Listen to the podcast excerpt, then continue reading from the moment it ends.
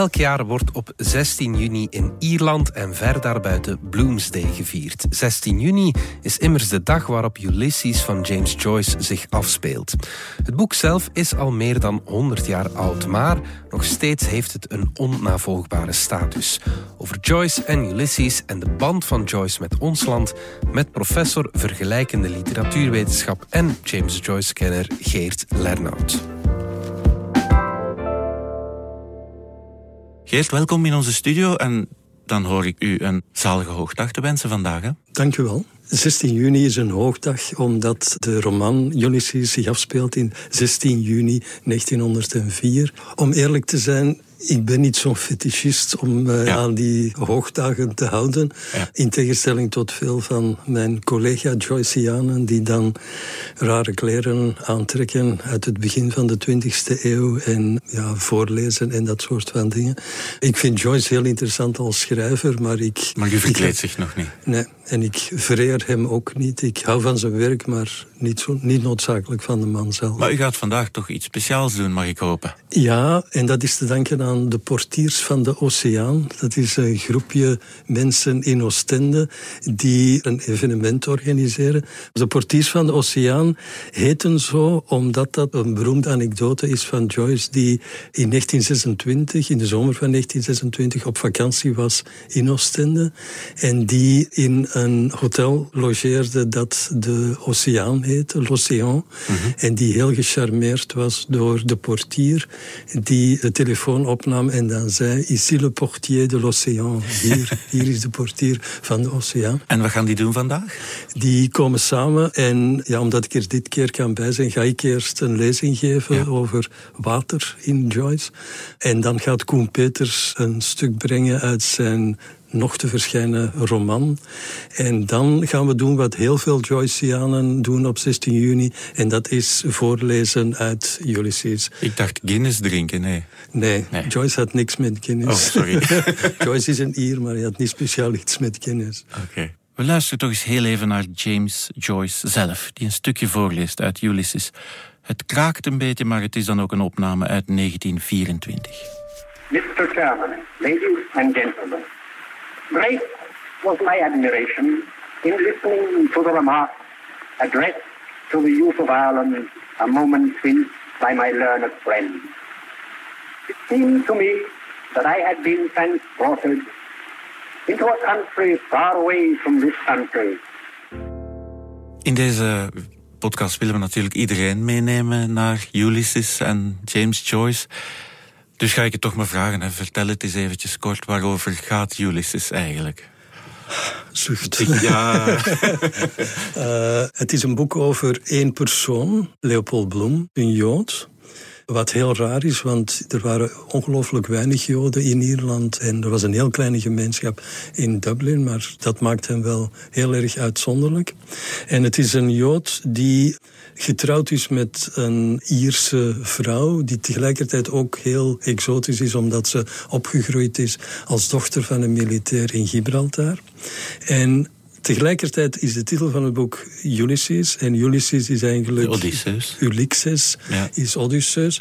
De Latijnse vorm daarvan. En het boek als zodanig heeft 18 hoofdstukken. En die 18 hoofdstukken die hadden oorspronkelijk een titel. En die titel verwijst naar avonturen van Odysseus. En het hele verhaal van Odysseus is eigenlijk dat hij op zoek gaat naar zijn thuis. Dat hij terug naar huis wil. Hij heeft de oorlog in Troje gewonnen. En hij wil gewoon naar huis geraken. En dat wordt hem ongelooflijk moeilijk gemaakt. Maar het is lang geleden voor mij. Die komt cyclopen tegen, die komt sirenes tegen. Ja, dat komt niet voor in James Joyce. Die komen allemaal voor. Toch? Er is een hoofdstuk dat de sirenen heet. Er is een hoofdstuk dat de cycloop heet. Maar die cycloop is dan geen eenogige reus meer. Maar dat is een Ierse nationalist, een heel fanatieke nationalist, die een oog verloren heeft. Toch, die dus ook één oog heeft. En er, het hele hoofdstuk zit dan vol met verwijzingen naar ogen en het feit dat bijvoorbeeld in het Engels I, ik, hetzelfde, hetzelfde. is als I, oog. En in het geval van de sirenen speelt het zich af in een pub. En de sirenen in dit geval zijn dan de twee dames die de drankjes brengen en waarmee geflirt wordt en die dan de... De, man in het verderf stort, ongetwijfeld. En dus ieder van die hoofdstukken verwijst zo op een of andere manier. Maar het rare aan het boek is eigenlijk dat de held Leopold Bloem geen Griek is, maar een Jood. En dat die held teruggaat, eigenlijk zijn teruggang uitstelt naar huis, omdat hij weet dat zijn vrouw ontrouw is die namiddag. Ja, terwijl, terwijl Odysseus van... is juist het omgekeerde. Die vrouw, die uh, Penelope uit uh, de Griekse oudheid, die zorgt er dus voor dat ze de vrijers van zich afhoudt. En zij is een beetje het symbool geworden voor de trouwe echtgenoot. Hier is het juist het omgekeerde. Ja. En dat doet Joyce met heel veel van die verhalen. Hij maakt er een ja, hij maakt een contrast tussen het mytholoog, de mythologische oorsprong, zonder dat ooit te zeggen. Hè. Hij creëert een contrast tussen die mythologische oorsprong en dan het dagdagelijkse leven in een stad, waardoor dat het niet alleen het verhaal is van die ene persoon, Leopold Bloem, maar het is het verhaal van alle inwoners van Dublin. En Joyce zei op een bepaald moment, alleen als ooit Dublin van de aardbonen verdwijnt, kunnen ze terug opbouwen op basis van mijn, van boeken. Dankzij alle details die ik weer... En waar zit het genot in om dat boek te lezen? Is dat omdat je de Odysseus kent? Of, of? Om eerlijk te zijn, ik had wel Latijn gestudeerd, maar geen Grieks. Ja. En voor mij was ook dat verhaal van Odysseus, toen ik het boek voor de eerste keer las, dat was iets dat ik kende uit prentenboeken. En, ja, de grote lijnen. Maar, heel in grote lijnen. Joyce zelf, als zij het boek aanraadde, als mensen vroegen hoe kunnen we dit doen, als ze jouw vraag stellen, met andere woorden, zij zelf, ja, lees gewoon een kinderversie van de Odysseus, dan weet je al meer dan genoeg. Ah, okay. uh, en het zijn echt zo mijlpaaltjes, maar eigenlijk heb je die voor de rest van het boek niet nodig. Er zit zoveel in het boek dat je dat niet nodig hebt. U zuchtte net toen ik vroeg waarover gaat het boek. Is dat omdat het boek gewoon meer is dan het verhaal? Ja, dat het... het boek gaat over alles. En alles zit ook in het boek. En ik kan dus makkelijk een uur en langer praten over water in Ulysses. Ik had ook over land in Ulysses kunnen praten. Of over God in Ulysses. Of over transsubstantiatie. een belangrijk onderwerp. Een belangrijk onderwerp. Je kan eigenlijk Joyce met alles verbinden en dat merk je op Joyce-congressen. Wij noemen dat de Joyce and papers. Dat zijn papers die gaan over Joyce en dan iets uit de rest ah van Joy de wereld. Zo in de betekenis van Joyce en. and. Ja, ja, ja. Ik herinner me een congres dat ik mee organiseerde in 2002. Dat was dus een jaar na 9-11. En wij hadden om te lachen gezegd, er zullen papers zijn over Joyce en 9-11. En we hebben een heel panel moeten maken voor die papers over Joyce en 9-11. Het boek is ook gewoon genieten van de stijl en van, van de, de woordkunstenaar ja. James Joyce.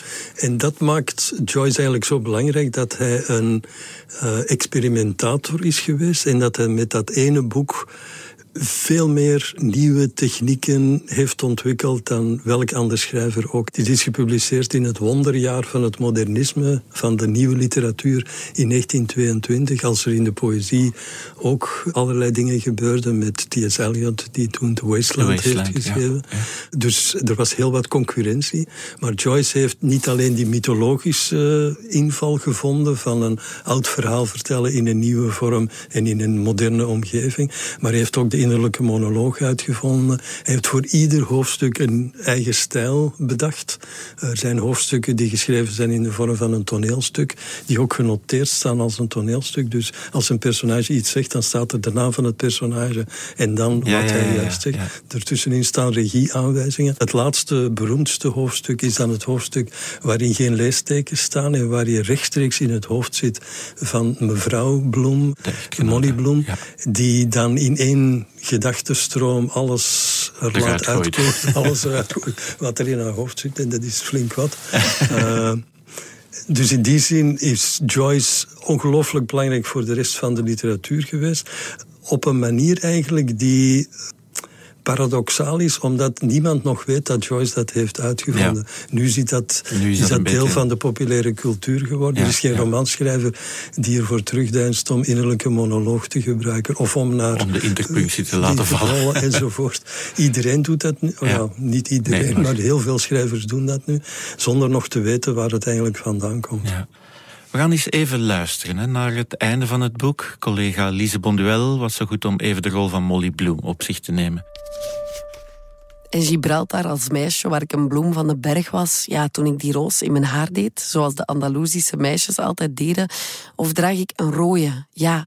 En hoe hij me onder de Moorse muur zoende. En ik dacht, nou hem of een ander, wat maakt het uit? En toen vroeg hem mijn ogen het nog een keer te vragen. En toen vroeg hij me, zou ik ja zeggen? Ja, mijn bergbloem. En eerst sloeg ik mijn armen om hem heen en ja, en trok hem naar me toe zodat hij mijn borsten kon voelen en al geur en zijn hart ging tekeer als een gek. En ja zei, ja, dat wil ik. Ja. Wat hoorden we nu net, Geert? Dit is het allerlaatste stuk, dit is het einde van het boek. En zoals ik zei, het boek gaat eigenlijk vooral over Leopold Bloem en het feit dat hij niet naar huis wil gaan. Dat wordt nooit uitdrukkelijk gezegd, maar gedurende de hele dag begint hij het uit te stellen, vindt hij dingen uit om andere dingen om te doen dan om naar huis te gaan. En in het hele boek komen ook voortdurend kleine verwijzingen naar Molly Bloem. Ze is een schoonheid. Er wordt gesuggereerd dat er ja, dat Bloem niet helemaal de man voor haar is en dat ze wel eens ontrouw zou kunnen zijn. Bloem zelf twijfelt aan haar trouw. En helemaal op het einde krijg je dan haar versie van het verhaal. En dat is niet alleen haar versie van het verhaal over haar echtgenoot, maar eigenlijk over al die andere mannen waarover er geruchten, geruchten zijn. En dan krijg je eigenlijk, dan besef je, ze heeft inderdaad een relatie met haar manager, die we ook een paar keer in het boek tegenkomen. Ze heeft inderdaad seks gehad die dag en ze heeft er veel plezier aan beleefd. Eh, ze zegt op een bepaald moment uh, dat haar minnaar... Eerst zegt ze dat hij drie à vier keer is klaargekomen. Een beetje later zegt ze, ja, het moet zeker vier of vijf keer zijn. En op het einde is ze dan vijf of zes keer ja. klaargekomen. Dus het wordt een mooie dag. Bloomsday was het zeker voor haar, een, mooie, dag. een mooie dag. En een heel andere dag dan voor de andere personages. Ja, maar het is vooral ook een vrouwelijke kijk op datgene, op een stad en op een boek dat eigenlijk heel erg mannelijk is. Er zijn heel weinig vrouwen in het boek. En het is een heel erg mannelijk geladen boek. En het is zo'n goed... Ik ben zelf geen vrouw, dus ik kan niet uit ervaring spreken. Maar vrouwelijke Joyceanen zeggen dat dit een boek is door een man die de vrouwelijke ervaring heel goed weergeeft. Ja. Zij gaat plassen op een bepaald moment, ontdekt dat ze menstrueert. En achteraf gezien, dit is de eerste literaire menstruatie in de geschiedenis van de mensheid. Okay. Uh, Ik ben me aan het overtuigen van het belang van het boek. Hm. Het klinkt niet, als ik dat mag zeggen, als een roman die een instant succes is en met de duizenden over de toonbank gaat? Nee, na enkele voorpublicaties was het boek verboden geworden. Dat is Zowel, goede PR natuurlijk. dat is heel ongelooflijk goede PR. Dus uh, om duidelijk te maken, het boek werd eerst voorgepubliceerd in een soort feuilletons? In ja, uh, per hoofdstuk. Dat was in heel modernistische tijdschriften, zowel in Engeland als in Amerika. En voor Joyce was dat ook een soort manier om zichzelf een deadline te kunnen geven, om, om te blijven werken. Ja, alle begrip. We kennen dat. En die werden dan op een bepaald moment door, dat heette toen uh, vigilance committees. Dat waren groepen mensen die probeerden om alle moderne verwijzingen naar seks zoveel mogelijk te Daar bestrijden. Daar waren we nog niet klaar voor. Daar waren ze toen nog niet klaar voor. En Joyce schreef woorden neer die toen niet konden, beschreef dingen die toen niet konden. Bijvoorbeeld in het vierde hoofdstuk gaat de hoofdpersoon Leopold Bloem heeft net een uh, ontbijt gegeten en hij gaat naar buiten, naar het toilet, om daar te doen wat de meeste mensen ochtends doen. Ja. En dat wordt vrij expliciet, maar niet heel expliciet. Maar toch uh, beschreven. Dus het wordt kon... beschreven, maar dat werd er dan, ja, ja. Werd, werd, dan wel gecensureerd. Maar er is dan één hoofdstuk, een van de latere hoofdstukken, waar Leopold Bloem op het strand zit en eigenlijk een soort heel merkwaardige relatie heeft met een meisje die ook op het strand zit en zij laat uh, onder haar rokken kijken en hij zit te masturberen. Dat wordt ja. niet uitdrukkelijk gezegd, maar voor de goede verstaanders is ja. het wel. En dat wordt dan tegengehouden. Daardoor kan het boek niet verschijnen, kan het niet gedrukt worden in Engeland en in Amerika. Ja. En dan is er een vriendelijke mevrouw in Parijs die een boekhandel heeft die Shakespeare Company heet. En die zegt, dan zal ik een uitgeverijtje maken. We laten het drukken in Frankrijk. Wat dan voor eigen problemen zorgt. Want je moet je voorstellen, dit is een boek dat heel moeilijke woorden in het Engels bevat. Dat dan gedrukt wordt door, door, door drukkers, door zetters die, als ze al Engels kennen, dan zijn Engels willen verbeteren. dus dat was een ongelooflijk moeilijk en lang proces. Maar het is dan uiteindelijk uitgegeven. En op het ogenblik dat het uitgegeven wordt, werd het al direct gerecenseerd door een aantal modernistische schrijvers, zowel in Engeland als in Amerika. En die maken er dan een schandaalboek van door het ofwel in de grond te boren en te zeggen dat het schandalig is dat het mag uitgegeven worden. Er is een Ierse schrijver die zegt, ja, de man moet in de ban geslagen worden van de kerk. Hij moet geëxcommuniceerd worden. In want Ierland het is, een belediging. een strenge straf. dat is een heel strenge straf.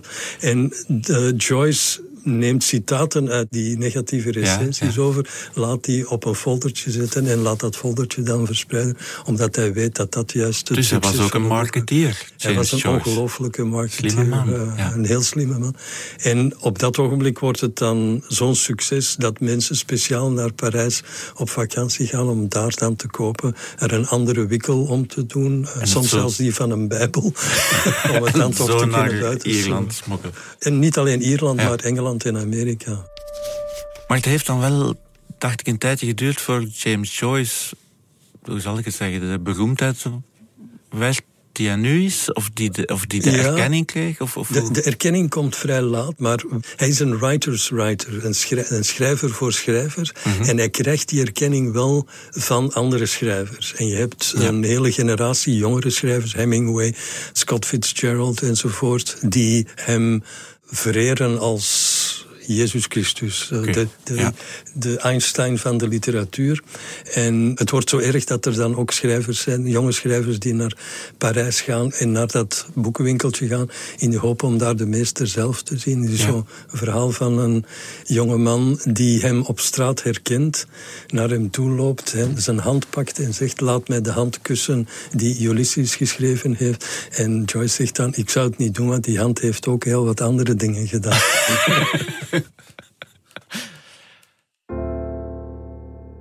Als je nu in Dublin komt, dan bij wijze van spreken struikel je over de verwijzingen naar Joyce, maar dat is redelijk recent nog. Ja, en ik heb dat zelf eigenlijk, dat proces meegemaakt. Ik ben na mijn studies in Antwerpen, heb ik een master, ben ik een master gaan doen in University College Dublin, de universiteit van Joyce zelf.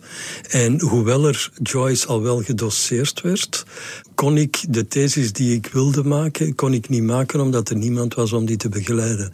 En dat is ongelooflijk beginnen veranderen onmiddellijk nadat ik uit Ierland was. Ik weet niet of het, of het stond in de schuld was. maar in ieder geval, op dat ogenblik is er dus ook een sociologische wending gekomen. Ierland was al deel van Europa, maar heeft toen ineens beseft, ja laat ons, als we dan deel van Europa worden, laten we dan ook zo liberaal worden als de rest van Europa. Want het was een heel katholiek land. Ja, en ze hebben eigenlijk in heel korte tijd is dat omgedraaid. Onder andere ook door het schandaal van kindermisbruik, misbruik en alle andere mhm.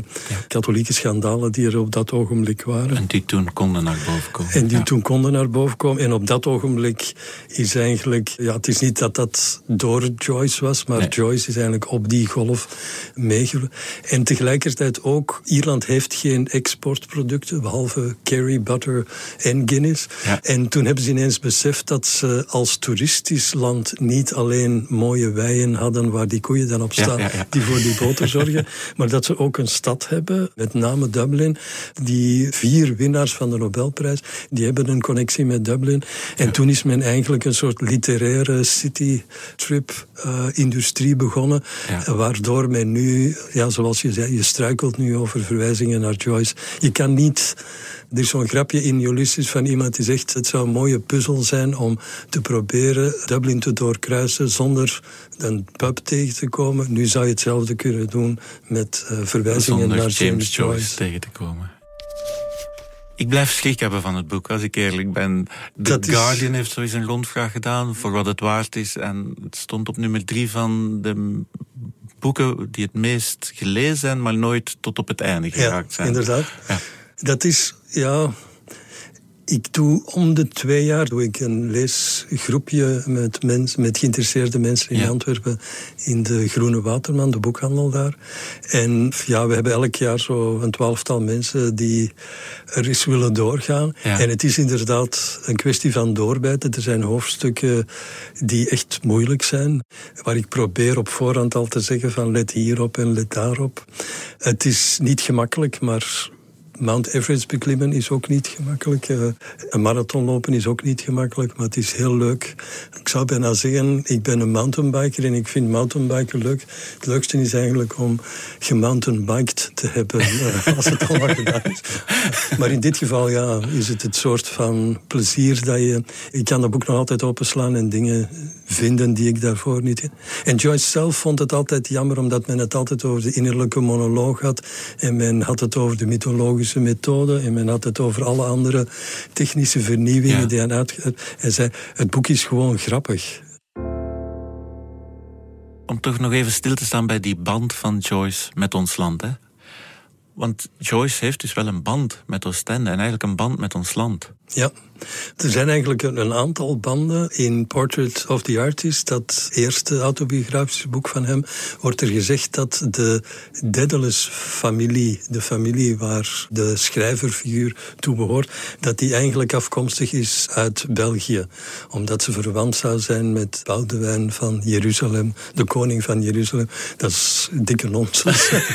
Want ik was al aan het denken, Boudewijn, dat is toch van later, maar Boudewijn van Jeruzalem. Ja, ja het is. Uh, de oude Boudewijn. De echte relatie is eigenlijk dat hij in 1926 een beetje toevallig in Oostende terechtkomt. Niet een beetje toevallig. Oostende was een ongelooflijk populaire badplaats uh, in die tijd. Je had ook Einstein en zo die daar ja, die zijn ook uh, aan onze kust. Die kwamen allemaal aan de kust terecht. En Joyce deed dat vaak. Hij is ook in Normandië, Bretagne enzovoort op vakantie geweest.